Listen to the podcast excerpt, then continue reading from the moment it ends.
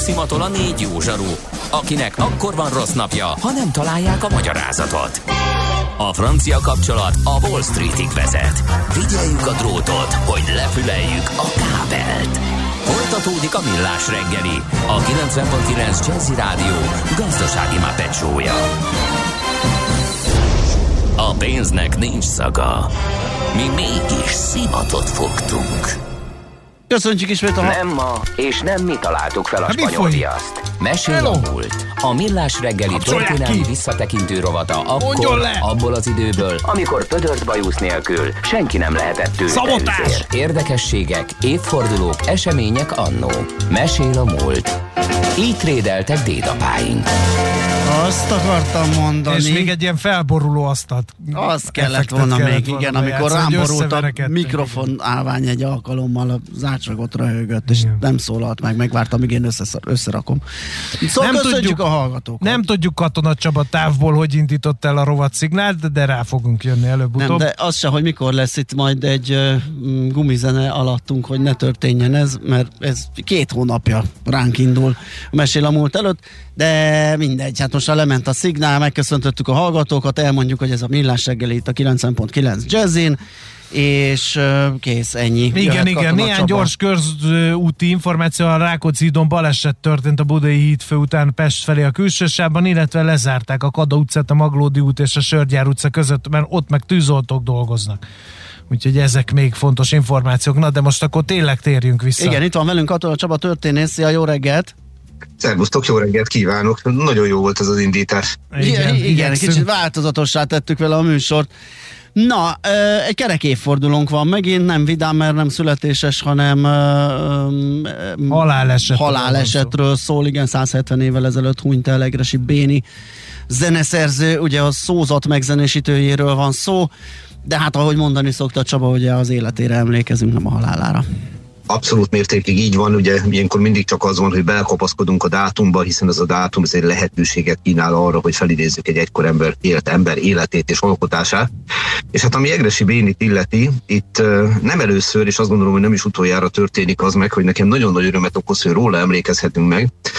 Mert megint egy olyan emberről van szó, akivel a sors utólag igazságtalanul elbánt, olyan értelemben, hogyha azt mondjuk, hogy Egresi Béni, akkor vagy az Egresi út jut az eszünkbe, vagy pedig a szózat. Aha. Egyik becsülendő, rögtön hozzáteszem. De tipikusan olyan az ő életpályája, olyan az ő alkotásainak a sorsa, hogy ö, itt van velünk a hétköznapjainkban számos olyan elemében, amiről nem tudjuk, hogy kötődik hozzám, majd mindjárt rá fogok erre térni. És mindezt úgy érte el, hogy amikor 1851. július 17-én meghalt, akkor csak 37 éves volt. Ó, mhm. Tehát rövid élet adott ott neki. Azt gondolom, egyébként a legtöbben se tudják róla. Tehát Egresi Béni, zeneszerző. Zeneszerző szózat. Köszönjük ennyi, szépen. Én is attól tartok, igen. Egy hármas tudok felajánlani a feleletét. igen. Na már most ezt se becsüljük le, mert ha semmi más nem csinált volna egész életében, csak megzenésíti a szózatot úgy, 1843-ban történt mindez egyébként, egy pályázaton adta be a zeneművét. Most, ha csak ezt csinálta volna életében, már akkor is érdemes volna megemlékezni róla, de ennél összetettebb az ő élete. Mindjárt átérek arra, hogy mire gondolok, hogy számos elemében itt van velünk, csak nem csatoljuk a nevéhez meglehetősen igazságtalan módon, hogy az ő alkotásairól van szó. Kezdjük az elején, Sajó Kazincon született, ugye ez, ez a település ebben a formában ma már nem létezik, de létezik Kazinc Barcika formában, tehát itt Borsod megyében, Borsod vármegyében láttam meg a napvilágot, és nem ez volt a születési neve, hogy Egresi Béni, hanem hogy Galambos Benyámin, és ebből lett aztán az ő művész neve. Itt jelezném, hogy a bátyja szintén kivál kiemelkedő alakja a magyar művelődés történetnek, ugye Egresi Gáborról, a nagyszerű színészről, és korán sem mellesleg 1849 után ugyancsak kiváló besúgóról beszélünk, de ezt most tegyünk zárójelbe. Uh-huh. Mert hát a Kossuth emigrációnak a törökországi napjairól írt egyet mást Bécs irányába. Nem mondom, hogy egy jótékony homály, de ez egy másik téma, egyszer beszélhetünk Egresi Gáborról is. De ez a fiatalember, aki 1814. április 21-én született, már mint Béni, olyan családba látta meg a napvilágot, ahol egy teljesen természetes volt, hogy tovább tanul. Édesapja református lelki pásztor volt, tehát hozott otthonról egyfajta műveltséget, és gimnáziumba járt Miskolcon, református gimnáziumba természetesen, aztán pedig a Sárospataki főiskolára, de nem tudta befejezni a tanulmányait a nehéz anyagi körülmények miatt, és aztán próbálkozott sok mindennel, színészkedett is, mint a bátyja, Kassán, Kolozsváron, egyéb helyeken játszott, de alapvetően mégiscsak a zeneszerzés, és egy picit érdemes erre figyelni, a szövegírás vonzotta őt, továbbá egészen jól énekelt, mert tenorrá akarta magát kiképezni, tehát valódi művészé. Uh-huh. És végül is Pesten találta maga a helyét 1830-as évek végén, illetve előbb Budán, aztán pedig Pesten, a színházba. De rögtön tegyük azt is hozzá, hogy némi itáliai út is belefért az ő életébe. Itália alatt mit értem? Nem ugyanazt az országot, amit most, szándékosan nem Olaszországot mondtam. Fiume, Trieste, Velence, Padova, Milánó, tehát ezek a városok jellemezték az ő hosszú útját, és végül is karénekesként tudott elhelyezkedni a olaszországi túra után, vagy itáliai túra után Pesten a Nemzeti Színházban. Viszont ebben az időben már kezdett kiemelkedőt produkálni azon a területen, amiről ma is ismerjük a nevét, nevezetesen a zeneszerzésnél.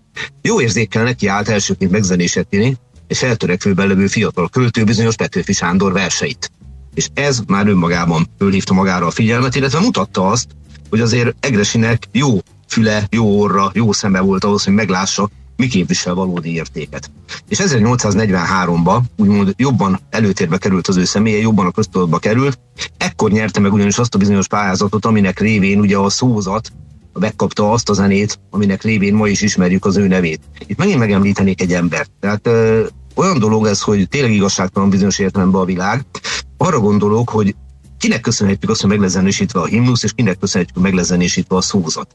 Előbbi 1843, ugye Egresi Béni, utóbbi 1844 Erkel Ferenc, ez nem másnak köszönhető, mint a Nemzeti Színház akkori igazgatójának, Bartai Andrásnak, vagy Bartai Endrének másképp, ugyanis egész egyszerűen ő volt az, aki kiírta ezeket a pályázatokat, és ennek köszönhetően indult el aztán a két kiváló zeneszerző a saját zeneművével. Na most, hogyha én azt mondom, hogy szózat vagy himnusz, akkor szoktuk emlegetni a szövegírót teljes joggal, zeneszerzőt teljes joggal, és szegény Bartai Andrása vagy Endre neve teljesen háttérbe szorult. Hát csak azért is örülök, hogy őt szóba hozhatunk. Abszolút. De ne ragadjunk itt le, mert mi az, amit még csinált nekünk, ugye Egresi Bénit? Hát, hát egy szépen, igazi harcos költő volt ő, egy bárd. A szó legszorosabb értelmében, hiszen ott volt Komáromban 1849-ben, ugye amikor Klapka Györgyel az élen az a hősies ellenállás végbe ment, Na de addig azért még lepett pár dolgot az asztalra. Itt említettem, hogy foglalkozott egyebek mellett szövegírással. Na akkor említsünk meg néhány olyan dolgot, ami az ő nevéhez kötődik. Erkel Ferenc neve többször szóba jött ma már, Erkel Ferenc egyebek mellett kiváló operákat írt, gondoljunk például a Hunyadi Lászlóra, amiben annyiszor felcsendül, felcsendül és mindig idézzük ezt a nagyszerű operát, ami úgy kezdődik, hogy meghalt a cselszövő, nem dúl a rútviszály. Uh-huh írta a szövegét? Egresi Béni. Oh. Mert, hogy, mert hogy ő írta a Hunyadi László librettóját. Oh. És itt ez a pont, amikor azt mondom, hogy már is bejön egy érdekesség, ami miatt érdemes volt az ő személyét szóba hozni, hiszen nem szövegíróként gondolunk rá, Igen. és hát nem nagyon szoktuk Erkel operához csatolni egy másik zeneszerző nevét. Hú, de érdekes. Na de ragozzuk még egy picit tovább. Van még egy másik vers is, vagy mond másik dal is, ami egy Simán József szokott énekelni, mint száműzött ki vándorol a sűrű éjjel uh-huh. át, ismer, ugye? Igen. Bán, bán, Igen. el kell. Na hát ez már nem Egresi Béni szövege, de az eredeti librettót szintén ő írta. Tehát még a Bánk-bán szövegét is ő dolgozták Katona József drámája nyomán Ertel számára. Az más kérdés, hogy ezt alaposan átdolgozták aztán a 20. század igényeinek, mert az eredeti szöveg így kezdődött, olvasom, Miként vándor ki tévedez viharzó éjjelen, avagy hajós a szélvésztől korbácsolt tengeren, úgy ingadoz felzaklatott lelkem határtalan, s vezércsillag nincs kétségem vadpusztaságiban. Abot hangzik kipusztított hazám rémes jaja, itt elgázolt becsületem haldokó sóhaja, Ú, mind a kettő orvosra vás, még itt töprenkedem, hazámra szempödél borul, elvész becsületem átírták a szöveget, ugye nem ezzel a szöveggel ismerjük, Aha. főleg Nádi előadásában, de egyértelműen az ő szövege nyomán gördülnek tovább a gondolatok. Úgyhogy kérem szépen, Egresire, mint szövegíróra is gondoljunk, és hát akkor menjünk el Komáromba már csak azért is, mert ha már szóba jött, hogy egy harcos költő, egy bárd, kétségtelen 1848-49-ben oly sok más emberhez hasonlóan ő sem volt rest, ha kellett fegyverrel védeni a hazáját. Pedig zenész ember volt és Igen. költő, és hát ugye én úgy hallottam, ilyen. ahogy utána olvastam a Kápolnai csatában, ő láblövést is kapott, tehát nem hátul katonazenekarral húzatta az indulót, hogy előre fiúk, hanem ő is részt vett az ütközetben. Ez konkrétan így történt, és ez a sebesülése viszont hasznára vált a magyar művelődés történetnek és zenetörténetnek. Mert hogy mire gondolok konkrétan? Komáromba volt, ugye, és a sebesülése után még lábadozott. Na most Komáromba Klapka Györgyel az élen, amint az köztudott, meglehetősen eredményes ellenállás sikerült ugye kifejtenünk. Tehát ugye még világos után is sikerült tartani a várat, és nagyon kedvező feltételekkel letenni aztán a fegyvert. Na és hát itt egyebek mellett augusztusban volt egy sikeres kitörési kísérlet, egy, egy, egy rajtaütés. Egresi Béni meg gondolt egyet, és akkor írt egy zenét ebből az alkalomból, ezt a zenét mindannyian szoktuk énekelni, azt gondolom legkésőbb, leghamarabb gyerekként megtanuljuk, és később is beleég a fülünkbe. Ez így kezdődik, hogy híres komáron be van véve György a fülvezére. Mert hogy ennek a zenét is ő írta. Na, Úgyhogy... hát ezt se sokan tudják, ebben biztos vagyok beleértve saját magamat. Persze, is. abszolút. Na, és erre, erre gondoltam, tehát, hogy, hogy hány olyan dolog van, ami része a mindennapi életünknek, kötődik az ő nevéhez, és dehogy gondolom, hogy szegény hiszen ő megírta a szózatot, azt mit csinált még ezen kívül. Hát kérem szépen, ahogy itt elhangzott, harcolt a hazájáért, kiváló szövegíró volt. Ja, és rögtön hozzáteszek még egy érdekességet, hogy kiírta a klapka induló szövegét jóval később, már az 1860-as években. Hát Tali Kálmán, aki főszerepet játszott egyébek mellett második Rákóczi Ferenc koltestének a hazahozatalában, meg hát némi, némi nemű nem eredeti források felbukkanásában is, a Rákóczi szabadságharcok. Ja, hát ők ír, ő írta a kuruc nótáknak titulált, a kurucok által sose énekelt szép sejmes loadingom Dalibár úgy, úgy, úgy, úgy, úgy, de speciál, ezt viszont, ezt viszont vállalta, ő írta, uh-huh. már mint hogy a kapka induló szövegét. Na, ennek a komáromi dolognak volt azért egy haszna. Egresi ekkor már családos ember volt, Kőnig Rózának hívták a feleségét, Történetesen egy komáromi kereskedő családból származott a hölgy. Egyébként nem akárkiről beszélünk, ne egy ilyen otthon ülő és csak a férjét csodálattal szemlélő nőt képzeljünk el. Egyebek mellett Andersen fordításokkal foglalkozott, csak úgy ugye, mint Szendrei Júlia, Petőfi Sándor felesége. Tehát Kőnig Rózának komoly érdemei vannak a magyar irodalomban is. Viszont ez a házasság ez nem alakult szerencsésen. 1840-es évek végén külön költöztek, addigra már született egy kislányuk, aki édesanyja nevét viselte, Rózának hívták, viszont ebben, a, ebben az időben, 1848-49-ben, amikor tehát Egresi Béni Komáromban harcol, illetve előtte még más csatatereken is így kápolnánál, mint ahogy elhangzott, addigra már a felesége, aki nem vált el tőle, csak külön éltek, szerelmi kapcsolatba került nem mással, mint Csengeri Antallal, ugye, aki a Pesti Hírlapnak volt a, a főszerkesztője ebben az időben. Egyébként egy kiváló úriemberről beszélünk, később az MTA másodal elnöke. És valamikor 1848-ban már egyértelmű, hogy szerelmi kapcsolatban vannak, 1849-től 100 százalék. És tulajdonképpen akkor itt kialakul egyfajta szerelmi háromszög, ami viszont hát tragikus módon ér véget, méghozzá nem máshogy, mint uh, azzal, hogy nagyon rövid élet adatot szerencsétlen főhősünknek, Egresi Béninek. Itt utaltunk rá, ugye, hogy 1851 július 17-én halt meg. Ez sajnálatos módon, ha jól tudom, tüdőbaj okozta a halálát. 37 éves volt ekkor, mindössze 37 éves, és özvegye, szerintem meglehetősen jellemző módon a Csengerivel való kapcsolatára gondolok, itt kettő hónappal utána már feleségül is ment Csengeri Hát igen, ezt beszéltük legutóbb Szendrei Júlia kapcsán, hogy abban az időszakban, hát hogy is mondjam, egy nő önállóan bevételek nélkül, elhelyezkedés és jövedelemszerzési lehetőségek nélkül olyan nagyon sokra nem tudott más, másra kényszerülni, mint hogy gyorsan újra házasodjék. Ez pontosan így van. Itt, itt szerencsére ez meg volt oldva azzal, hogy itt tényleges szerelmi kapcsolat volt ugye Csengeri meg Kőnig Róza között, tehát ilyen jó értelemben ment el a dolog. De valóban, főleg úgy, hogy egy gyermeket is nevelnie kellett, már pedig ott volt ugye a, a kis Egresi Róza, tehát még az előző házasságából született gyermeke. Egyébként négy gyermek élte meg a felnőtt kort a második házasságából, tehát már a Csengerivel kötött házasságából, ha az emlékezetem nem csal. Ugye többen vetették fel irodalom történészek, hogy mennyire igazságtalan a sors, hogy aki kevésbé volt szem előtt, mint König Róza, teljesen természetesen kezelték, hogy hát meghalt a férje, hozzámegy valaki máshoz. Elnézték neki a különélést is. Szendrei Júlia, aki megkapta a nemzetözőgye titulus, rá pedig olyan összharag, olyan néparag zúdult, hogy az a mai napig azt gondolom, hogy józan észsel és némi belátással és empátiával érthetetlen. Más szempontból meg lehet találni a logikáját, csak végtelen igazságtalan, de ebbe most nem menjünk bele, mert nem Szendrei Júliáról van szó, csak ha már szóba jött, ezt is érdemes megemlíteni. Hozzátartozik még Egresi Béni tragikus sorsához, hogy uh, a bátyja, Gábor az egyik gyermekét róla nevezte el Béninek, és ez a szegény gyermek ez, ez csecsemőként halt meg, tehát neki se adatott hosszú-hosszú élet.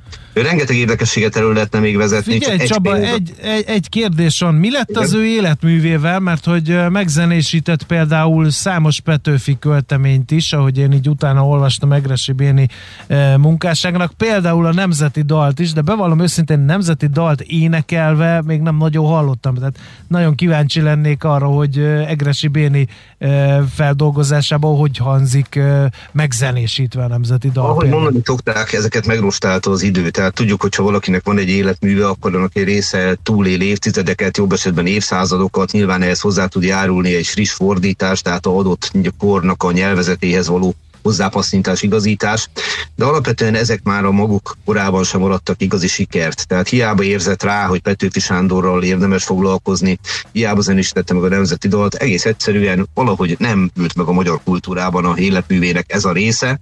Hát ellenben viszont ami megmaradt, azt viszont a mai napig énekeljük. Ugye erre szokták azt mondani, hogy ha egy sportoló életében fut három világrekordot, tíz, tíz év pályafutás alatt mondjuk egy futó, akkor ő már világklasszis, E, Ugyanezon a költőkkel, írókkal is, tehát olyan nincs, hogy mint valakinek mindegyik munkája remek mű, gondoljunk Petőfitől addig bárkire, úgyhogy ilyen értelemben Egresi életműve sem bizonyult mindent olyan értelemben maradandónak, de ami maradandónak bizonyult, az azt gondolom, hogy 200 év múlva is maradandó lesz, illetve legalábbis nagyon remélem, mert e, ha ennyit kibírt, akkor azt gondolom, hogy az már tényleg fontos részét képezi a magyar művelődés történetnek.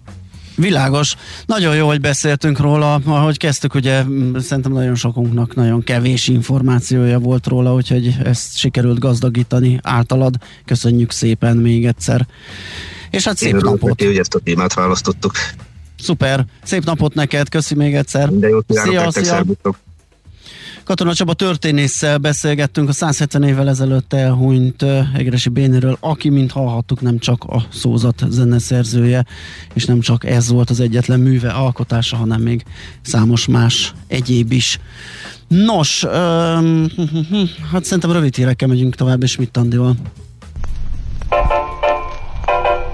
Mesél a múlt robotunk hangzott el. Kövesd a múlt gazdasági és tőzsdei eseményeit kedd reggelenként a Millás reggeliben. Műsorunkban termék megjelenítést hallhattak. Tőzsdei és pénzügyi hírek a 90.9 jazz az Equilor befektetési ZRT szakértőjétől. Equilor, 30 éve a befektetések szakértője.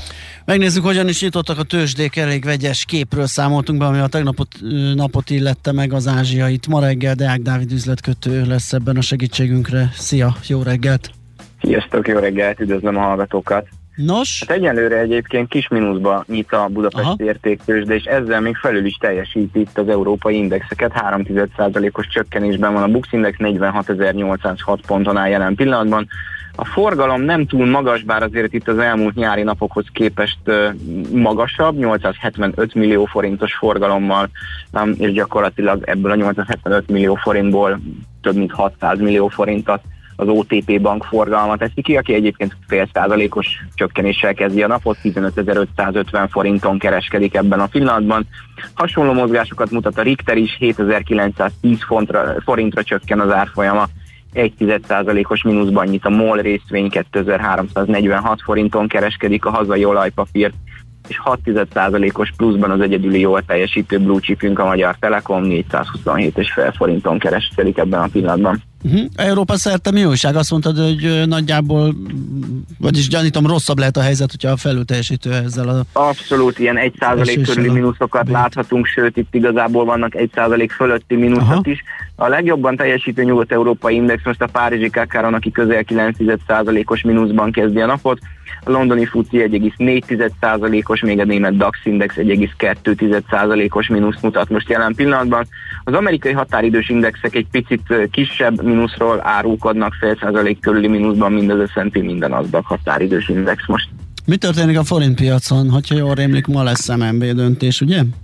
Így van, itt az MNB kamat döntőülés előtt nagyon nagy a csapkodás a forintban, itt a befektetők próbálják a, a pozicionáltságukat felvenni. Gyakorlatilag már a reggeli első két órás kereskedésben már két-három forint mozgást is láthattunk a forintban. Most egyébként a gyengébb oldalon áll egy euróért jelenleg 361 forint 55 fillért, még egy dollárért 306 forint 90 fillért kell fizetni a bankközi devizapiacon. A nagyobb keresztekben némileg láthatjuk az angol font további erősödését, illetve az amerikai dollár is tovább erősödik a főbb devizákkal szemben. Euro-dollár 1,1780, míg a font dollár 1,3790 ebben a pillanatban. Oké, okay, Dávid, köszi szépen, izgalmakkal teli nap lesz ez. Ha meglátjuk a végét. Jó munkát, szép napot! Szép napot, sziasztok! Szia! Köszi, hello! Deák Dávid üzletkötő igazított el minket a tőzsde nyitás után kialakult árakban.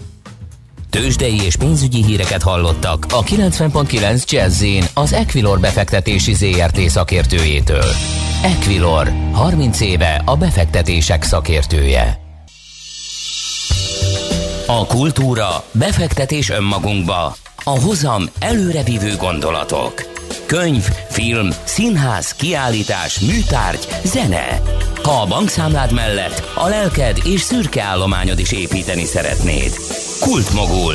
A millás reggeli műfajokon és zsánereken átívelő kulturális hozamgeneráló rovata következik. A rovat támogatója a Budapesti Metropolitán Egyetem, az Alkotó Egyetem. Azt gondolom több, mint merész, hogy itt a Millás reggeliben 8 perc alatt próbálunk választ találni arra a kérdésre, Mi hogy okosabb, évezredek óta Igen, hogy okosabb lesz-e a gyermek a klasszikus zenétől, de hát megpróbáljuk. Ö, szép kihívás ez. Itt van velünk dr. Maróti Emese, az MTA LFZE aktív zenetanulás kutatócsoport kutatója, a zenepszichológus.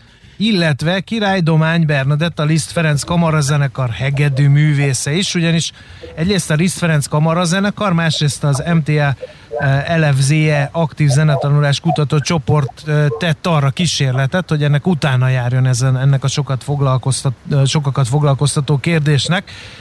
Jó reggelt, mindenki hall mindenkit, ugye itt van Emese is és Bernadett is. Jó reggelt kívánok! Jó, szuper. Szuper. No, akkor először dr. Maróti Emesét eh, kérdezném zenepszichológusként, hogy, eh, hogy mennyire érezhető a Mozart hatás. Ugye volt egy kísérlet, eh, amely azt bizonyította, hogy a 90-es években emlékezetem szerint, hogy hogyha Mozartot hallgattak amerikai egyetemisták, akkor jobban szerepeltek az IQ-teszten. Hát először pontosítani szeretnék, tehát térbeli logikai feladatokat oldottak meg Mozart uh-huh. szonátának hallgatása után, és akkor vették észre, hogy javult a teljesítményük, és aztán innentől indult el ez az érdeklődés a zenehatásának a kutatása iránt, és ezt nagyon sokan megpróbálták replikálni, de nem sikerült, és akkor arra jutottak, hogy nem Mozart zenéje, és nem is konkrétan az egy mű, ami ezt a pozitív hatást kiváltotta, hanem az az érzelmi állapot, amit a zene hallgatása eredményez. Uh, akkor mi az, ami egyértelműen tudományosan bebizonyosodott uh, a zenehallgatással kapcsolatban? Milyen élettani, milyen szellemi hatásai vannak? Hát a zenehallgatás elsősorban egy olyan érzelmi állapotot idéz elő, ami fokozza a teljesítményt. Tehát szintén egyetemistákon vizsgálták, hogy például jobban el tudtak lazulni egy stresszes matematika teszt után, amikor klasszikus zenét hallgattak, mint hogyha mondjuk csak csendben pihentek volna. Uh-huh. És egyébként jó hatása van a személyiségfejlődésre is, főként az identitásra. Mert amikor különösen könnyű zenében van egy ízlésünk, a zenézlésünk, az ö, egy valamilyen fajta társadalmi csoporttal való azonosulást is jelent, és ez azoknak a társadalmi csoportnak az ideológiáját, a gondolkodás módját való azonosulás és azoknak az átvételét is jelenti. De ez csak a zenehallgatás része, ami nagyon um, komoly eredményeket mutat, az pedig a zene oktatás hatásának a vizsgálata, és itt összefoglalóan azt lehet elmondani, hogy a zeneoktatás minden olyan képességre fejlesztő hatásra van, amit zenetanulás közben használunk. Tehát ilyen például a memória, a figyelmi folyamatok, a hallás, ehhez kapcsolódóan a nyelvi készségek, akár az anyanyelv tanulásánál, akár idegen nyelv tanulásánál, sőt, még az olvasás is, az absztrakt gondolkodás, különösen a rész egész összefüggésének a megértése, és aki hangszeren tanul, náluk például a motorikus készségek is erősen fejlődnek. Aztán még eh, javítja az intelligenciát is, itt is többféle kísérlet volt, ahol azt mutatták ki, hogy azok, akik például egy évig zenei tréningben részesültek, ők 62%-kal jobban teljesítettek egy IQ mint azok, akik nem. Uh-huh. Vagy egy másik kísérletben például azok a gyerekek, akik zenei tréning fókuszú osztályba jártak, ők több tantárgyból is jobb jegyeket szereztek, mint azok, akik nem zenei tréning fókuszú osztályba jártak. A, itt különbséget lehetett tenni életkorban, illetve klasszikus vagy könnyű zenét illetően, tehát a zenének unblock jótékony hatása van, vagy a klasszikus zenének ezen belül különösen jótékony hatása van, és hogy melyik korosztályokra elsősorban?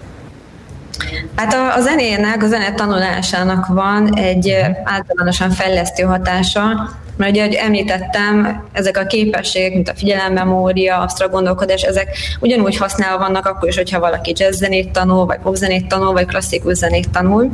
Tehát ezért mindenképpen fejleszti, mert a készség van használva.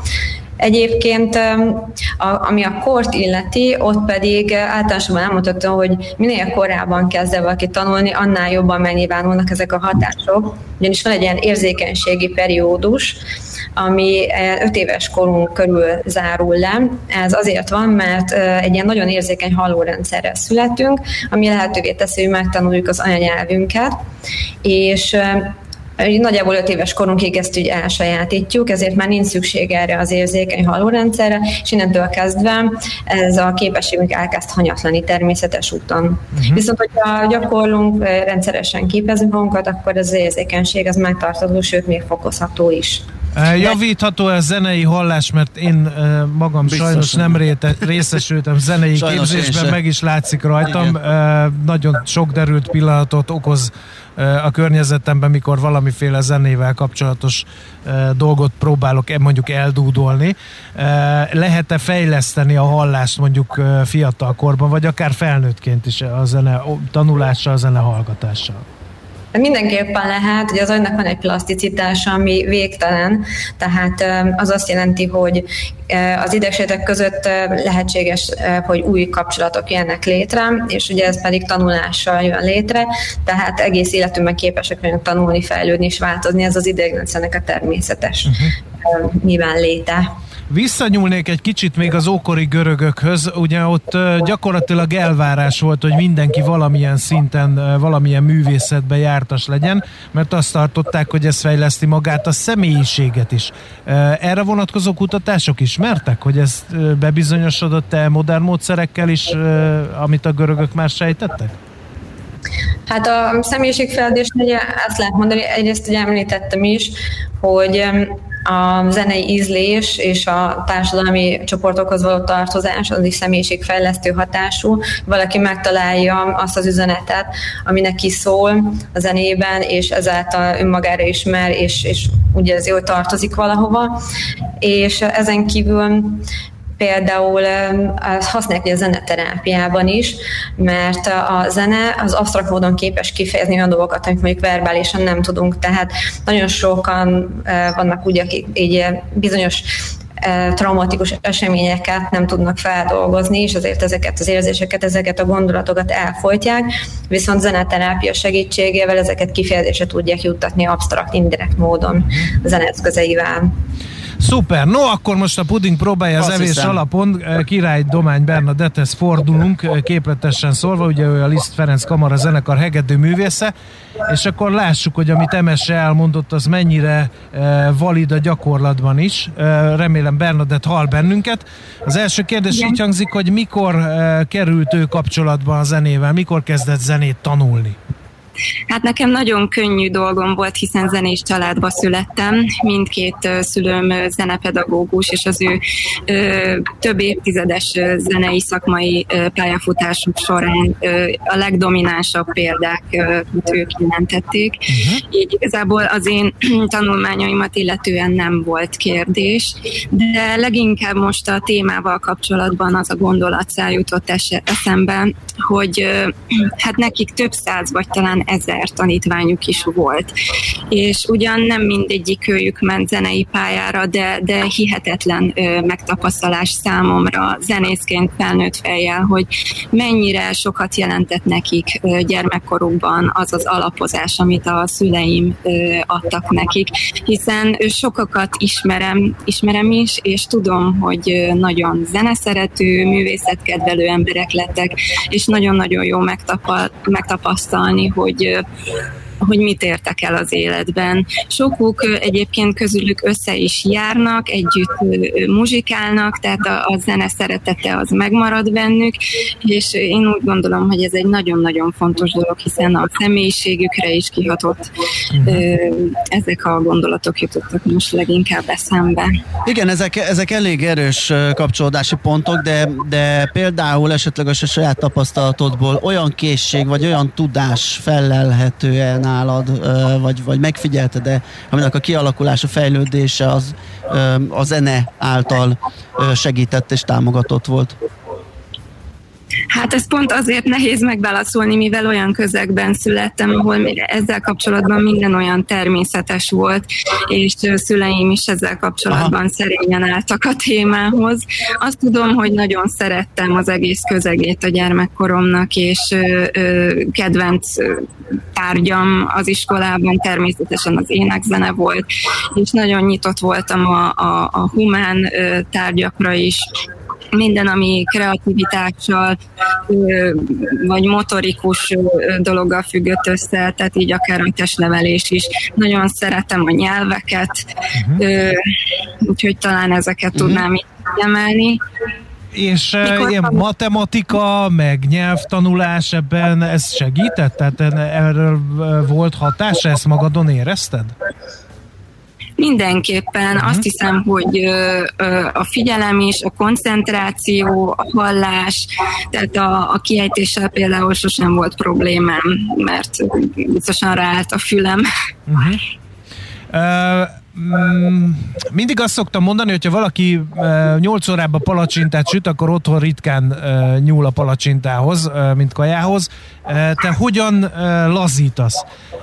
Annak ellenére, hogy ez a munkád, ez a hivatásod, ez az életed, hogyha egy stresszes nap után vagy, akkor, akkor még mindig el tud lazítani a zene? Vagy most már egy kicsit más felé irányulsz ilyenkor? Abszolút, a palacsinta példáját követve másféle recepteket próbálok ki otthon, tehát azt hiszem, hogy a zene jelenti nekem a mindennapokat. Minden e körül forog, segít az életszituációknak a feldolgozásában, akár ez öröm, akár bánat, tehát a zene hallgatás és a művelése jelenti nekem a, a szabad időm részét is.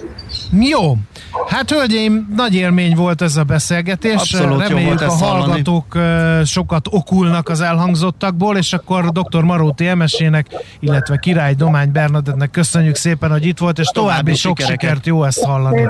Köszönjük szépen. Minden jót.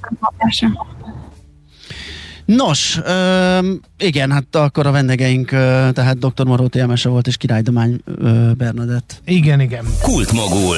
A millás reggeli műfajokon és zsánereken átívelő kulturális hozamgeneráló rovata hangzott el. Fektes be magadba, kulturálódj! A rovat támogatója a Budapesti Metropolitán Egyetem, az Alkotó Egyetem. Hát és ennyi fért bele a mai millás reggelibe, holnap csinálunk majd egy másikat fél héttel ugyanebben a felállásban, de ezt nem mondom el többször, mert egész héten ugyanebben a felállásban leszünk, tehát ebben nincs semmi újdonság. Viszont most mit jön a hírekkel, utána a zene, jazzy lexikon, uzsonok, a mat, Happy hour. Tehát csomó minden jó. Nem győzzük hangsúlyozni, hogy ezen a héten különösen fontos, hogy mindenki, eh, aki dolgozik és nem szabadságon van, teljes erőbedobással tegye ezt, ugyanis ez a hét a Gede Mihálovics páros nyugdíj alapjának feldúzzasztásáról szól. Köszönjük előre is az erőfeszítéseket. Szép napot, sziasztok! sziasztok. Már a véget ért ugyan a műszak, a szolgálat azonban mindig tart, mert minden lében négy kanál. Holnap reggel újra megtöltjük a kávés bögréket, beleharapunk a fánkba és kinyitjuk az aktákat. Addig is, keressetek minket az arcaktákban, a közösségi oldalunkon. A mai adás podcastjét pedig holnapunkon. Millás reggeli, a 90.9 Jazzy Rádió gazdasági mapetsója. Ha csak egy műsorra van időd idén, tégy róla, hogy ez legyen az. Csak egy dolog lenne még. Műsorunkban termék megjelenítést hallhattak.